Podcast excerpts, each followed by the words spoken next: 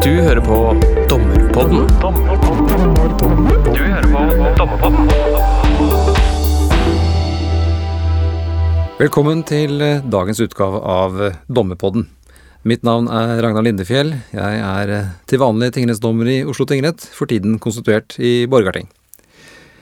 Det er jo sånn at i all hovedsak så er Dommerpodden en, et temadrevet podkast. Det er ofte sånn at vi har temaer som vi har interesse for, som vi ønsker å, å snakke om. Det kan være aktuelle temaer eller andre grunner til det. Um, noen ganger så er det rett og slett ut fra vårt eget uh, frie og eventuelt gode skjønn. Innimellom uh, derimot så er det sånn at vi ønsker oss en spesiell gjest. Og nå har det seg sånn at uh, høyesterettsdommer Magnus Matningsdal takker av etter uh, 35, det vil si det er egentlig 34, hvilket uh, Matningsdal påpekte overfor meg da jeg i en mail til ham uh, sa at det var vel 35. Så det er vel det som er den høyesterettspresisjon som man kan forvente fra, fra Matningsdal. Um, og uh, dette er en, uh, altså en sånn anledning hvor vi ønsker oss en spesiell gjest. og Det er derfor en stor glede å kunne ønske velkommen til, eh, til Magnus Matningsdal som gjest i, i Dommerpodden. Velkommen, Magnus. Tusen takk for det. Hyggelig å være her. Ja, det er godt. Du har jo vært en hyppig gjest i opptil flere juridiske podkaster i det siste, eh, så vi, eh, vi er glad for å ha deg her. Det er eh, selvfølgelig et nærmest ubegrenset antall temaer vi kunne ønske oss å snakke med, med deg om. Men det er klart, strafferetten er vel et naturlig sted å, å ha et slags faglig fokus. Eh, samtidig så har du jo vært dommer så lenge, og i alle instanser, så vi håper også kunne få tid til å snakke litt om mer generelt om, om dommerrollen og dine erfaringer i alle disse årene. Um, du er jo en mann som eh, ikke trenger, tror jeg, noen voldsom lang introduksjon for våre lyttere. Tror de aller fleste er godt kjent eh, med deg. Men bare for å ramme inn din karriere helt, helt kort, hvis det lar seg gjøre, så starter den i 1977, stemmer ikke det? Jo, jeg ble dommerfullmektig i september 2070 på Jæren. Nettopp. Og siden det har du vært eh, både dommer og sorenskriver i førsteinstans. Og du har vært dommer og førstelagmann i andre instans, i Gulating lagmannsrett. Stemmer det. Og du har vært dommer i Høyesterett siden 1997. Ja, stemmer det. Og eh, jeg fikk da også gleden av de siste fem-seks åra ved eldste dommer i ansiennitet. Noe det ligger en viss realitet i i Høyesterett. Og for de av dem som ikke måtte helt kjenne til hva, hvilken realitet ligger det i det? Nei, Det betyr i praksis eh, at du alltid er rettsformann når du er i retten. Eh, hvis ikke justitiarius sjøl er i retten, og det betyr i praksis at uh, i alle avdelingssaker så, uh, så, vil jeg være rettsformann. Men jeg har også uh, hatt glede av at Tore Løie ved to anledninger hadde studiepermisjon, slik at jeg i en fem-seks måneder i det daglige ivaretok hennes oppgave i Høyesterett.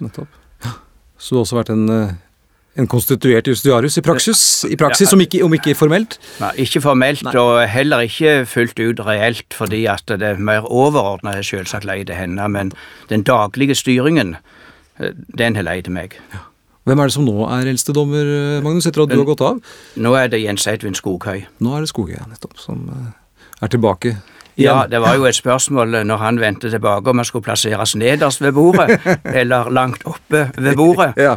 Og eh, når en tenker på alle de årene han hadde vært i Høyesterett, ja. så ville det vært nokså unaturlig å plassert han nederst eh, ved bordet, slik at når vi gikk inn i retten, at det var hans oppgave å lukke døra. Ja, nettopp. Nei, men det høres, det høres nok fornuftig ut. Ja. ja. Han ville også ha fått ordet sist under diskusjonene, og det tror jeg har blitt litt vanskelig for han. Vi får invitere ham hit en gang for å snakke litt nærmere om det, kanskje. Eh, før vi beveger oss inn i inn i strafferetten, eh, Magnus. Eh, hva var det som gjorde at du valgte dommerkarrieren i, i hine hårde dager? Nei, det er ikke så lett å si, men det er jo klart at eh, når en har tatt embetseksamen, så, og har gjort det rimelig bra til embetseksamen, så er det jo nokså naturlig å søke seg hen til en dommerfullmektig stilling noe jeg begynte i ca. ni måneder etter jeg hadde tatt eksamen i, i Bergen.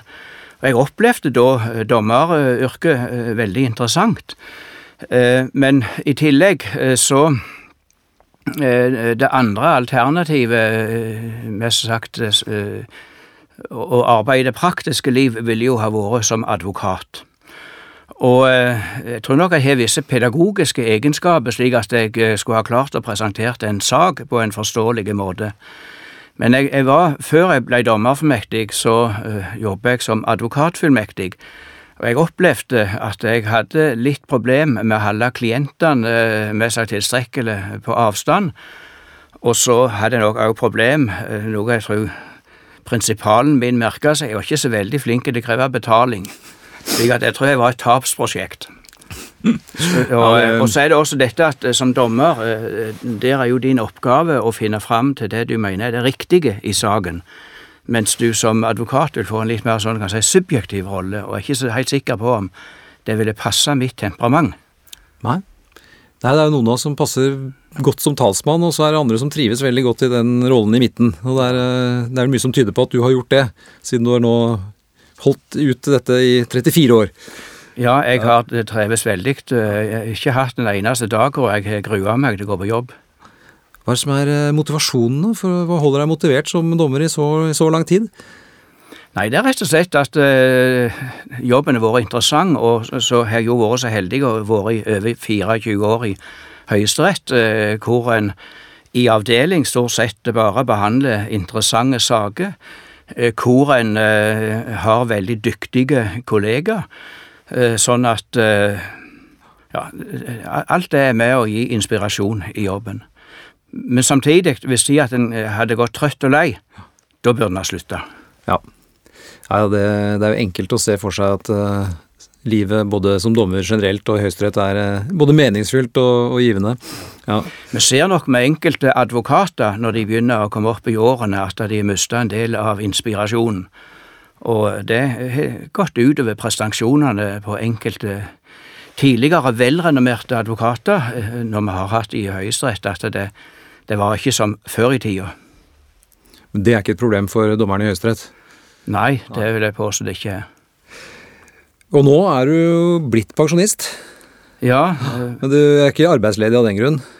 Nei, men eh, de, de, de, første månedene etter jeg ble pensjonist, har jeg ikke gjort all verden. Jeg har jo vært pendler i 25 år, ja. slik at jeg har lovt kona mi at vi da skulle ta en lengre ferie sammen, og det har jeg iallfall et stykke på vei holdt.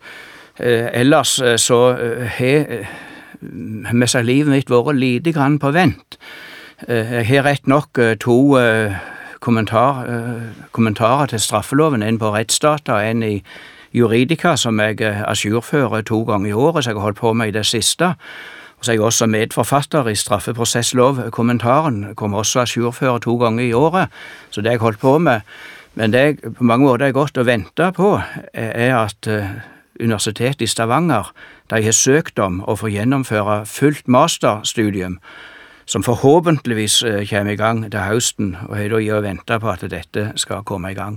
Ellers er det jo eh, hatt noen foredrag og noen få eh, undervisningstimer. Men eh, i forhold til situasjonen før 1. oktober i eh, 2021, så er det vært et helt annet liv.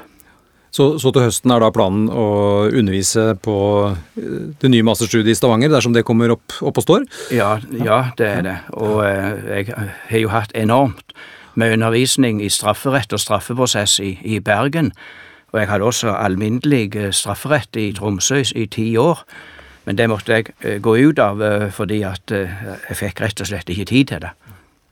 Nei, da kan jo studentene i, de fremtidige studentene i Stavanger glede seg til å til at du skal øse av din kunnskap til dem. Det vil jo være et stort pluss, tenker jeg, for, for det universitetet som nå skal starte. Det, det vil også være en glede for meg, fordi at jeg trives veldig godt ja, å være sammen med ungdom og i undervisningssituasjon.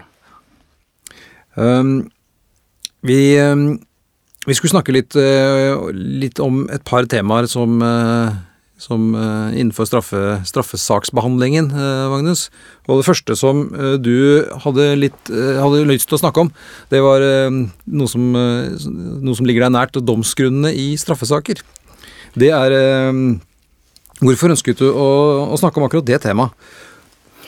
Jo, gjennom mange år nå i Høyesterett, vi jo sitter en god del tid hvert år i, i ankeutvalget, så leser vi veldig mye straffedommer fra tingretter og lagmannsretter. Rett nok er det jo lagmannsrettens dommer eh, med eh, da primært eh, overprøve.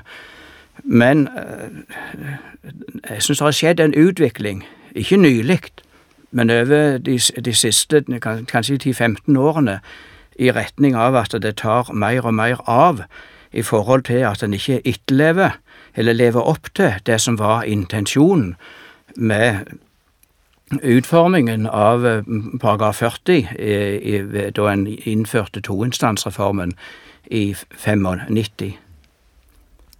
Og så Konteksten her ikke sant, det er at paragraf 40 i strafferettsloven, for de av dere som ikke har den eh, helt present, så er det da den som gir uttrykk for hvordan domsgrunnene skal utformes i, i, straffesaker. Og der står jo at uh, domsgrunnene for skyldspørsmålets vedkommende skal bestemt og uttømmende angi det saksforholdet retten har funnet bevist som grunnlag for dommen. Og vise det straffebudet, selvfølgelig. Og når siktede dømmes, så skal domsgrunnen også opplyse om de grunner retten har lagt vekt på ved fastsetting av straff og andre rettsfølger.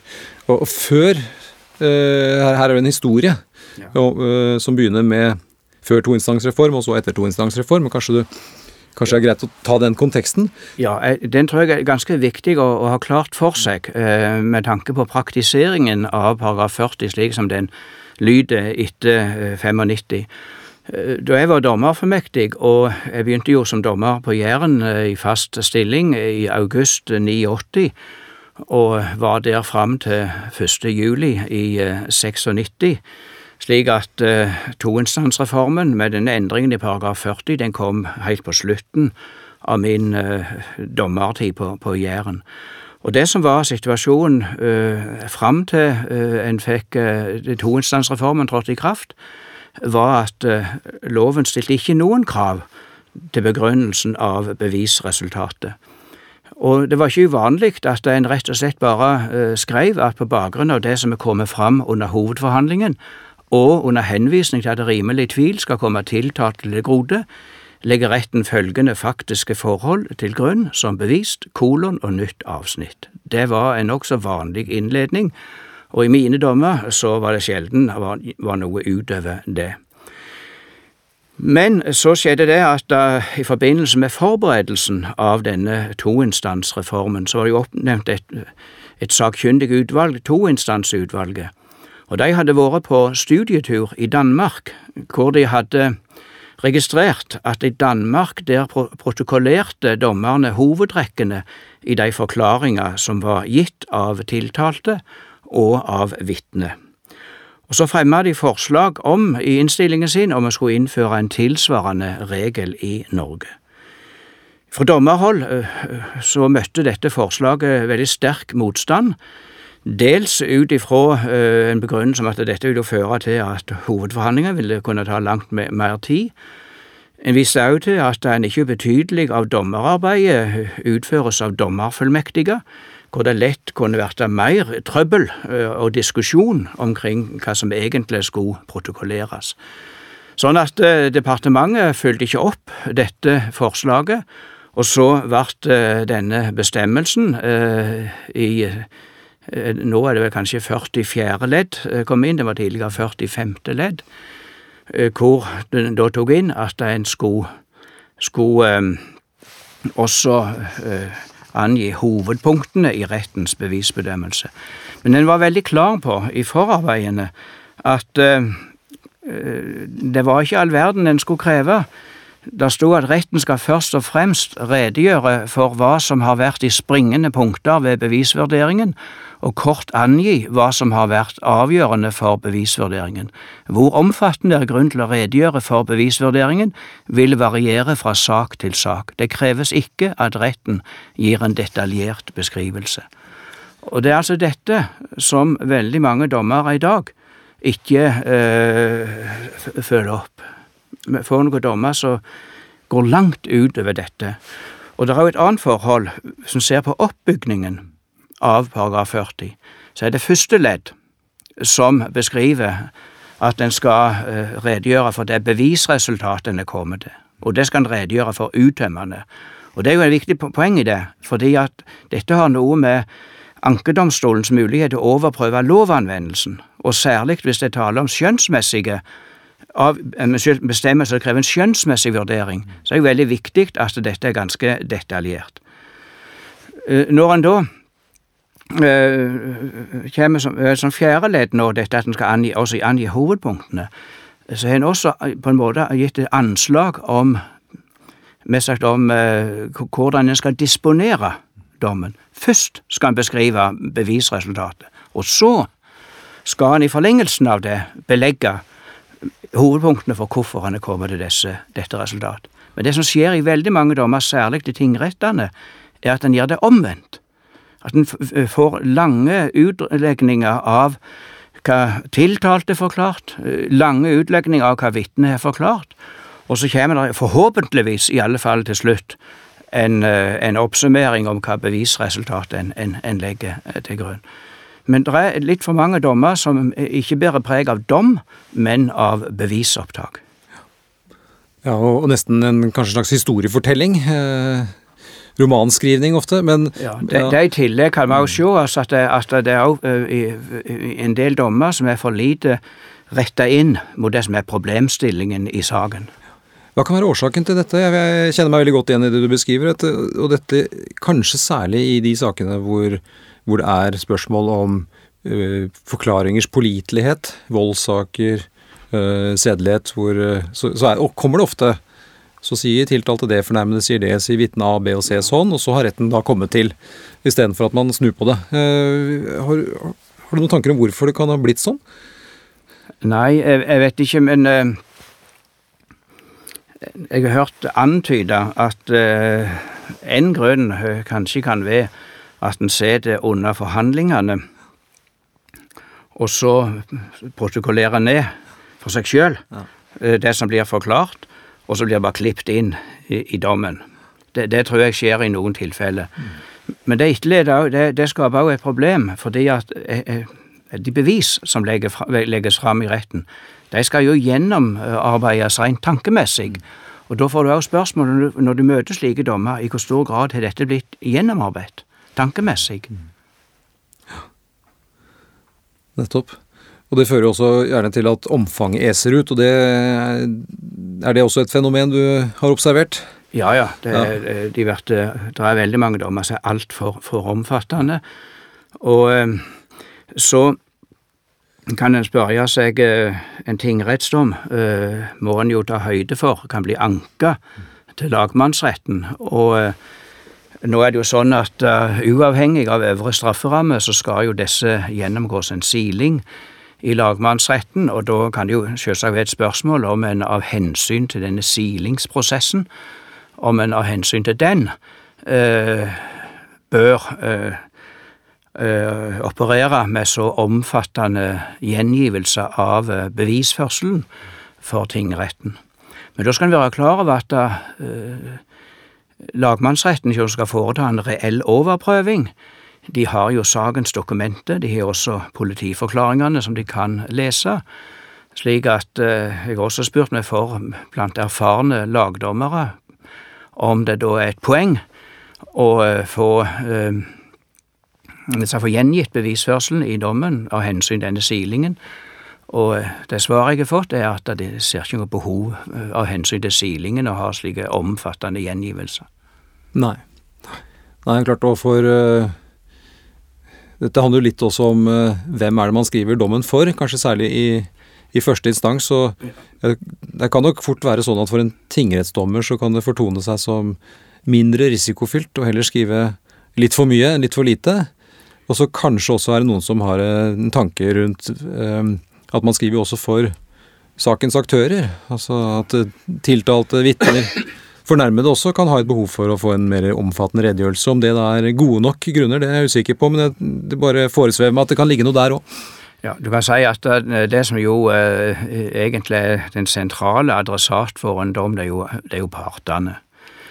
Men eh, det mener jeg en er tatt høyde for i forarbeidet når en sier at en skal få fram de springende punkter. Eh, altså, hvorfor har resultatet blitt som det ble? Og, og med tanke på at, at en tiltalt skal skjønne hvorfor vedkommende ble dømt, så mener jeg det er ikke nødvendig med så lange gjengivelser. En annen sak er eh, at la oss si det har blitt frifinnelse i tingretten, men så blir det domfellelse i lagmannsretten. Da kan det nok være av større betydning eh, av hensyn til at tiltalte skal få se hvorfor vedkommende ble dømt, eh, på hvilke punkter en har avveket fra, fra tingretten i, i, i bevisbedømmelsen. Og så er det også ett punkt eh, hvor det kom en viktig høyesterettsdom eh, for eh, et lite års tid siden. Og det var eh, denne problemstillingen som vi har hatt i seinere år med filleristing. Ja. Eh, hvor eh, jo det i noen tilfeller har gått skikkelig galt. Og vi har òg hatt eksempel på eh, at barnet er dødd. Og eh, da er jo spørsmålet om eh, tiltalte har utvist forsett med hensyn til denne følgen. Og som regel vil det ikke være aktuelt å bygge på sannsynlighetsforsett, slik at det det normalt vil være aktuelt, det det en på latin kaller for dolus eventualis, altså eventuelt forsett, hvor det foreligger to vilkår. Og det eh, grunnvilkåret er jo at vedkommende i gjerningsøyeblikket eh, innsett muligheten for følgen, men det er jo ikke tilstrekkelig. Vedkommende må i sin bevissthet ha akseptert at jeg fortsetter å riste, selv om dette fører til at barnet dør. Og det går det for så vidt Hvis du bare med sagt er flink til å lese loven, så er det ikke så vanskelig å gjengi loven riktig i en domfellelse. Men så er jo spørsmålet hvordan i alle dager har du på bakgrunn av bevisførselen kunne konkludere med at eh, faren, eventuelt moren, har akseptert at jeg fortsetter å riste ungen selv om ungen dør. For det er jo en ganske tøff beslutning. Det er det. Og der kom det jo en høyesterettsdom som jeg syns er veldig god eh, for noen eh, måneder siden, hvor en oppheva en lagmannsrettsdom, hvor lagmannsretten hadde gitt en helt riktig gjengivelse av loven, helt perfekt, men en oppheva likevel, for en sa at i en situasjon som dette, der burde en ha gitt en, en viss begrunnelse for hvordan en kunne konkludere med at det også forelå denne innvilgelsen. Nettopp. Å etablere en link Ja. mellom bevisene Ja. og regelen, er det sånn? Ja. Men utover det, eh, når, det gjelder spørsmålet om opphevelse, så er det omtrent ingen eksempel på at eh, en, har, en, en lagmannsrettsdom har blitt opphevet av utilstrekkelig beskrivelse av eh, bevisresultatet. Men det er mer hvis tid at eh, det er en begrunnelse som er gitt etterleder mistanke om at her er det et eller annet galt med hensyn til beviskravet, at det kan ha gått galt.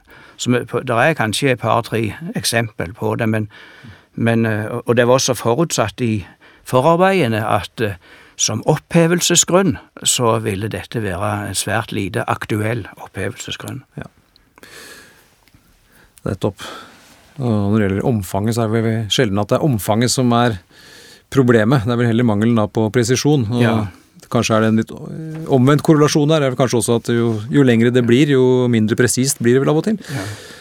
Um, du hadde jo til og med Du har et eksempel fra Du snakket, snakket om Danmark i sted. Uh, Jeg tenkte vi kunne avrunde dette med, med et eksempel på hvordan, du, eh, hvordan det kan gjøres, kort. Og det, det har du fra Danmark, var det ikke sånn? Ja, jeg har tatt med meg et eksempel fra en eh, landsrettsdom i Danmark, eh, hvor det står at etter bevisførselen finner, finner landsretten tiltalte skyldig i overensstemmelse med den reiste tiltale. Landsretten legger herved vekt på resultatet av DNA-profilanalysen sammenholdt med at Innbruddsforsøket er begått tett på Vallenbekk havn, hvor tiltalte da havde sin båt, og at tiltalte tidligere tallrike ganger er straffet for innbruddstyverier.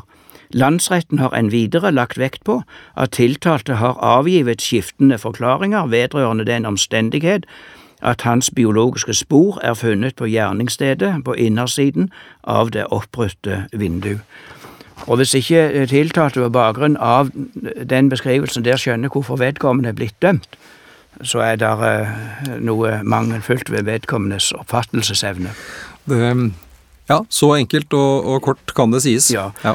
Men jeg syns når en går ut og sier at uh, norske dommere i, uh, i altfor mange tilfeller uh, med seg skriver altfor mye og gjengivelse av bevisførselen, så fortjener en mest også å få et eksempel på hvordan det kan gjøres.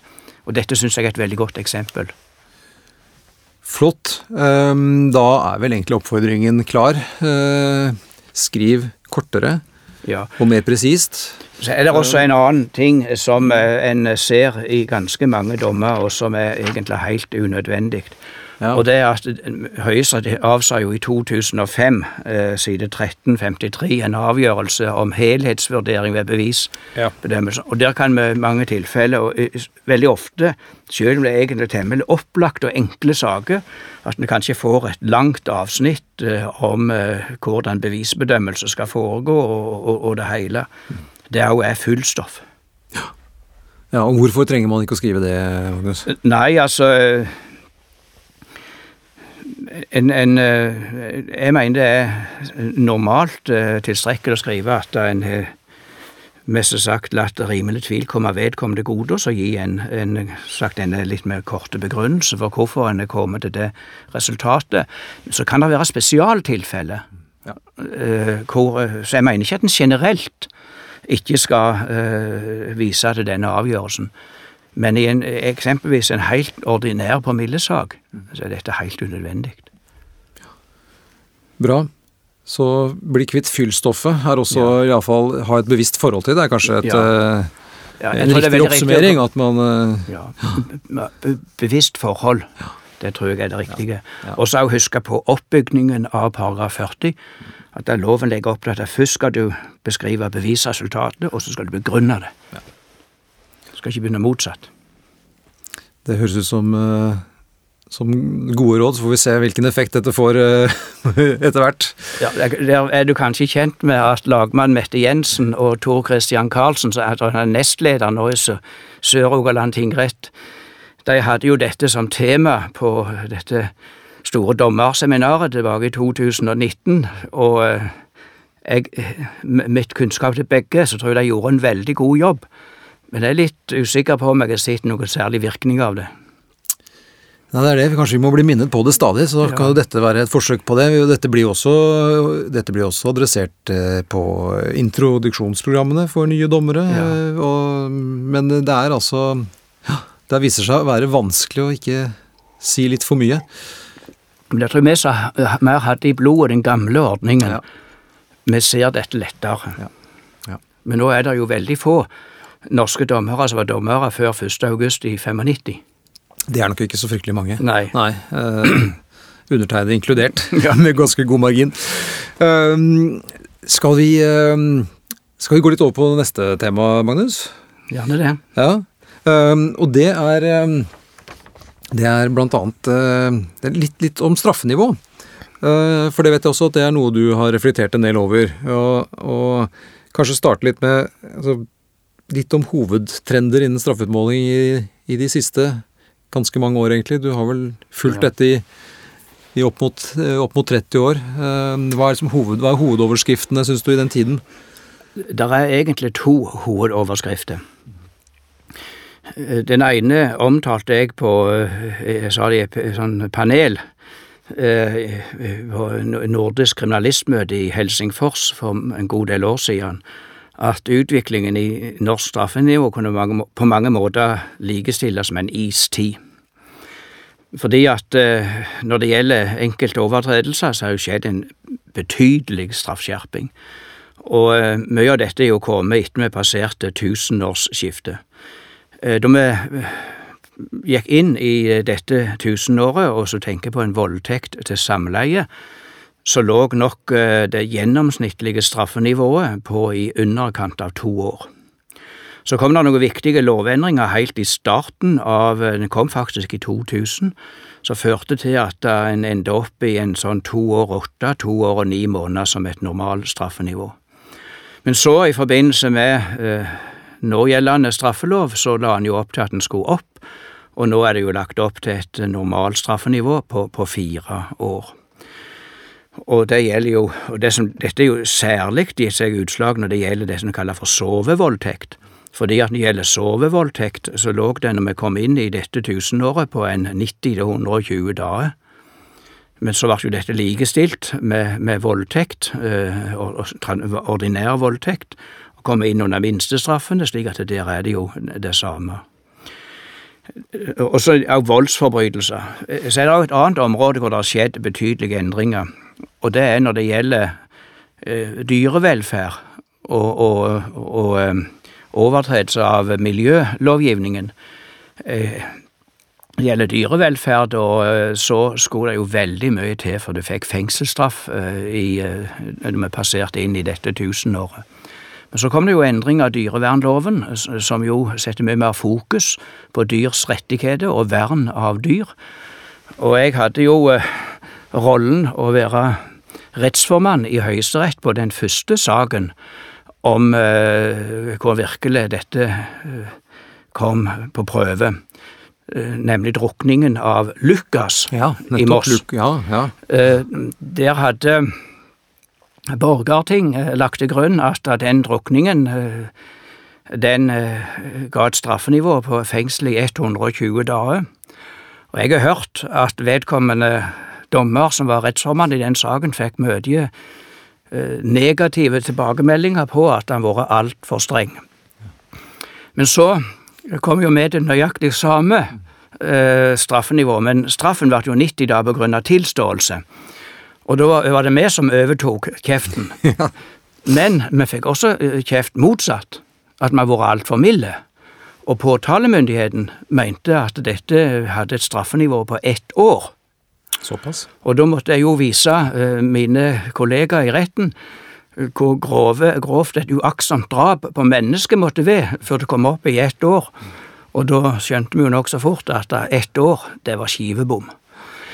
Men dette er den ene, og jeg har også hatt andre også, miljø, viktige miljøsaker jeg har vært formann på. Men så er det jo en annen veldig viktig tendens. Vi snakker mer i overskriftsnivå. Og det er òg bruken av reaksjoner i frihet.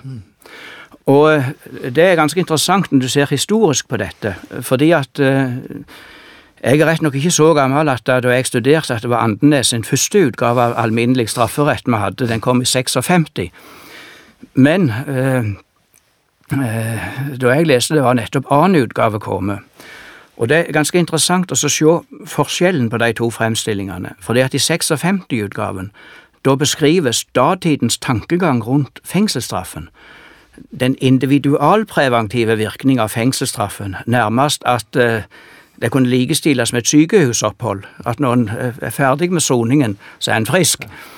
Uh, men nå kom til Andenes i 74, da møter vi en veldig resignert Andenes. Han har ikke tro på dette lenger.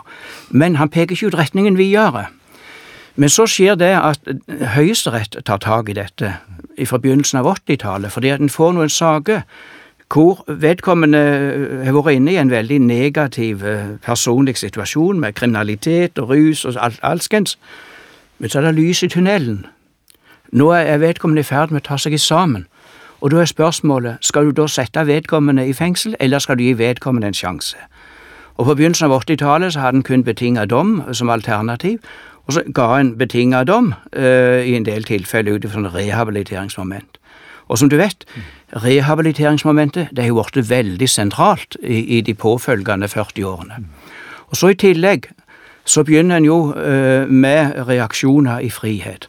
Samfunnstjeneste, som en starta med prøveordning på i Sør-Rogaland, hvor jo jeg bor, ja. eh, tilbake i fire eller 85, og så ble det etter hvert utvida til stadig flere fylker, og ble gjort landsomfattende i 91. Ehm, det hadde en stadig utvikling i antall eh, eh, fram mot 5-96, eh, men så begynte det å duppe igjen. Og så begynte en å tenke på en annen ordning, og det var dette med samfunnsstraff, som erstatta samfunnstjeneste, og som litt inn på sånn 2006-2007 opp i meste 3000 reaksjoner i året, men så det er òg gått ned. Men så har jeg nettopp fått statistikk fra Kriminalomsorgsdirektoratet som viser at i fjor var den ganske betydelig på vei opp igjen, og kom opp igjen 2100. Så det syns jeg var, var gledelig. Og så eh, i tillegg så eh, begynte en i 596 med prøveordningen om promilleprogram, som nå heter program mot ruspåvirka kjøring, som er alternativ eh, til betinga dom, alternativt de som ellers ville ha fått ubetinget ubetinga fengsel. Rogaland var et av prøvefylkene. Og jeg og lederen for den lokale kriminalomsorgen, vi reiste rundt til alle domstoler i Rogaland og markedsførte dette. Og, eh, og eh, det kom nærmest en eksplosjon av dommer på promilleprogram i Rogaland etter det. Så, så uavhengig domstol der, altså. Og så skal du være klar over at så kom jo denne prøveordningen med narkotikaprogram, som etter hvert har blitt gjort uh, uh, Ja, den er jo nå blitt en, en, en, varig ordning, eller, og, og, den er gjort landsomfattende. Der hadde jeg gleden av i uh, ja, høsten, det var jo september 2019, vi hadde en sak som vakte oppsikt. Hvor det var ei kvinne her i, i Oslo som hadde i 20 år og vel så det, kanskje var 30 år, ble alvorlig unna for eh, narkotikamisbruk, og som hadde begått en eh, narkotikalovbrudd eh, som med alskens fradrag tilsatte han likevel lå på seks år ubetinget fengsel. Men så hadde hun flytta til et annet sted i Norge, hvor hun hadde tatt veldig fint opp i lokalmiljøet, hadde tatt seg sammen på en helt bemerkelsesverdig måte, hadde full jobb og studerte utenom. Og da var spørsmålet hva gjør vi med denne dama? Gir vi henne eh, skal, skal, vi faktisk ta det skrittet og fastsette at eh, fengsel i seks år skal gjøres betinget med vilkår om narkotikaprogram, men prøvetid på fem år. Fem år er jo maks. Ja. Og vi gjorde det enstemmig. Det er faktisk en av de dommene fra min tid som jeg er mest stolt av. Og dette er jo eh, no, Noen tror jeg kanskje ville hevde at uh, dommer Matningsdal har vært uh, litt streng av og til i, i, i straffesakene. Og dette taler jo egentlig ikke for det i det hele tatt. Hva tenker du selv om en sånt? Det er en politiinspektør i Oslo som har lagd en del statistikk på uh, høyesterettsdommere og, og, hvordan vi har votert. Den siste kom vel i 2015. Uh, mens uh, Riber Moen og hans flokk ennå var dommere i Høyesterett. Da var det de to som inntok de to øverste plassene på pallen, men jeg kom da på bronseplass. Eh, nå er jo de for lengst uh, ute av Høyesterett, og på den siste så ble jeg da kåra til ved den strengeste. Og jeg skal ikke bestride de tallene, men det er helt feil metode. Fordi at uh, de som jeg blitt sammenligna med, de har jo kommet til uh, på et veldig seinere tidspunkt enn meg. Og de første årene jeg var i Høyesterett, så var det mye mer uenighet om straffenivå enn eh, en det er i dag. Slik at jeg har jo med i min bagasje uh, alle de sakene hvor uh, jeg nok ofte tilhørte et flertall. Uh, og, og, og, men derfor ser veldig streng ut. Men spør du dommeren i Høyesterett i dag, han der dommer Matningsdal, er han så forferdelig streng? Så de sier nei, det, det tror jeg de vil ha store problemer med å forstå. En annen ting er at er det en skikkelig skurk? Er det alvorlig? Da er det ingen fordel å ha meg som dommer.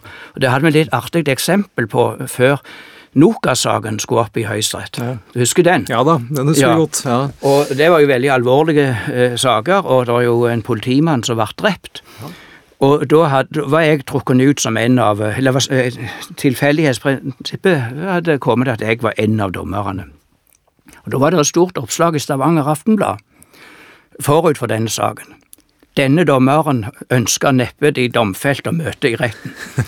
Og det fikk de for så vidt rett i, fordi uh, dette ble jo en dissensdom. Og uh, flertallet ble jo utgjort av uh, justitiarius Skei, nåværende justitiarius Øye og pensjonert dommer Matningsdal. Topp. Da må jeg jo bare spørre. Uh, hva tenker pensjonert dommer Matningsdal om at David Toska nå er ekspertkommentator for, for sjakk? For det reiser egentlig litt interessante spørsmål om, om straff og soning, og når er man egentlig ferdig? og litt, så Jeg syns den er litt artig. Har, du, kan du mene noe om det på sparket, nå som du har blitt pensjonist? Ja, jeg har noen visse synspunkter på det. Ja. Og, og det er at eh, for det første så eh, var det en uriktig omtale av eh, Toska. Det var jo sagt at han var ferdigsona. Ja. Det er han jo ikke. Han er ute på prøve. Ja. Eh, og, og, så eh, er det jo klart at uh, at eh, en eh, Når en har sot en straff, så har en jo for så vidt gjort opp for seg. Men jeg må si likevel, jeg har jo veldig godt kjennskap til eh, hva som skjedde i den saken, og forut for den saken og, og, og, og alt. At eh, akkurat å eksponere han i en sånn sending, det hadde ikke jeg noe sans for. Så jeg hørte den delen som eh, reagerer negativt på det.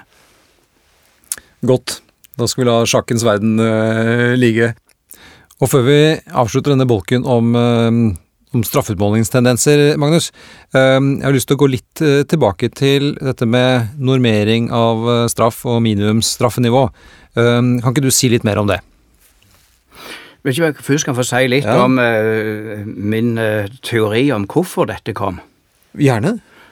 Fordi at det var jo slik at det har jo vært det politiske ønsket i ganske mange år, iallfall fra 90-tallet og framover, om strengere straffe for enkelte overtredelser.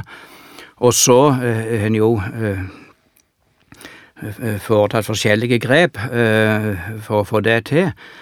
Men så skjedde det at i august 2000 så ble sovevoldtekt, som jeg var inne på, mm. det ble likestilt med voldtekt.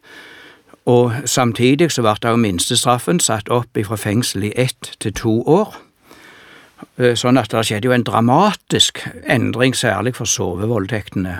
Fordi på, for, på forsommeren i 2000 hadde Høyesterett utmålt det var 120 dager for en sovevoldtekt. Så fikk vi opp to saker i 2002 eh, som gjaldt sovevoldtekt. I det ene tilfellet var det én fornærma, i det andre tilfellet var det to. Og eh, da måtte en jo forholde seg til denne minstestraffen på, på to år. Men Høyesteretts flertall, som Liv Jølstad og jeg ikke tilhørte, de gjorde mest halvparten betinga. Det eh, husker jeg den gangen at det ble ikke tatt særlig nådig opp på Stortinget. En opplevde dette som ikke en spesiell lojal etterlevelse av det som hadde skjedd. Og så omtrent samtidig eh, så kom eh, Eh, innstillingen fra den nye straffelovkommisjonen eh, til alminnelig del, og de eh, ga da uttrykk for at de ikke hadde noe sans for dette med straffeutmålingssignal i forarbeidene. Og når du da leser justiskomiteens innstilling til vedtakelsen av alminnelig del, i, i, eh, i, i 2000 eh, og, Den var vel i to, høsten 2004 den innstillingen kom. Da kan du mest se for deg en spansk eh, okse eh, som får eh, holdt disse røde håndklærne de, de holder foran de. Altså, De er tydeligvis mektig irritert, og det er veldig klare signaler om at nå, nå, skal vi gjøre noe med det. Og så henta de inspirasjon fra Danmark, for der hadde en mest sagt eh, i forbindelse med en del lovendringer på slutten av 90-tallet, kommet med utsagn om hvor mye nivået skulle opp. Og det har den danske høyesterett akseptert. Det mener jeg er, bakgrunnen for dette, at Høyesterett har faktisk en viss grad sjøl bidratt. Så var spørsmålet ditt, hva mener jeg om uh, dette? Og det er jo klart at uh, disse normalstraffenivåene, uh, de rent sånt statsrettslig og med hensyn til maktfordelingsprinsipp, så kan nok ikke innvende noe mot dette. Det er jo også Høyesteretts standpunkt. Men eh, de virker uheldig i en del tilfeller med hensyn til straffenivå. Eh, det gjelder vel kanskje blant annet for eh, sovevoldtektene. Jeg må si jeg har ikke så forferdelig mye sympati med en som bevisst utnytter en kvinne som var For det er jo normalt kvinner dette går utover, så har blitt så full at vedkommende ikke kan motsette seg. Mm. Men det er jo ikke bare det det er snakk om.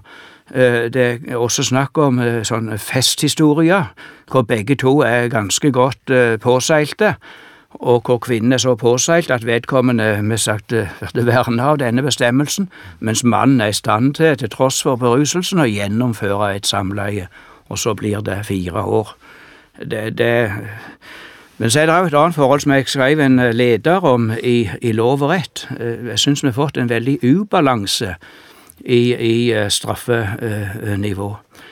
Og i den eh, lederen der trakk jeg fram et eksempel, en høyesterettssak fra noen år tilbake, hvor det var tale om utnyttelse til prostitusjon av tror jeg var to eller tre forskjellige kvinner over lang tid. Og, og gjerningsbeskrivelsen for, for menneskehandel til prostitusjon er omtrent nøyaktig lik gjerningsbeskrivelsen for voldtekten. Og mens du får ett tilfelle av sovevoldtekt, da for fire år, så fikk eh, denne personen, var det fem og et halvt år, eh, for eh, den utnyttelsen over meget lang tid, var snakk om et år. Sånn at det, det er Det henger ikke helt i hop. Nei. Nei, en del sånne eksempler på litt litt dårlig innbyrdes sammenheng. Ja. Det, det, finnes jo. Så jeg, jeg ga uttrykk for at en burde faktisk seg ned mm. og så gå igjennom straffenivå, og mest sagt fordi at Rett nok er det jo sånn at det er ikke så lett å sammenligne straffenivå for ulike straffebud. Men det er noen som er i en viss grad er sammenlignbare, og det må det kunne gå an å sammenligne. Jeg tror, jeg tror vi skal koste på oss, Magnus, hvis vi runder av denne nå bolken om, om straffenivå. Så vi koster på oss avslutningsvis å kanskje ta et par dykke litt ned i, i, litt mer sånn allmenne temaer, litt erfaringer som du har gjort deg som dommer opp igjennom, før vi, før vi sier at uh, dagens episode nærmer seg slutten. For jeg tror, uh, jeg tror det er interesse for det blant, uh, blant våre lyttere.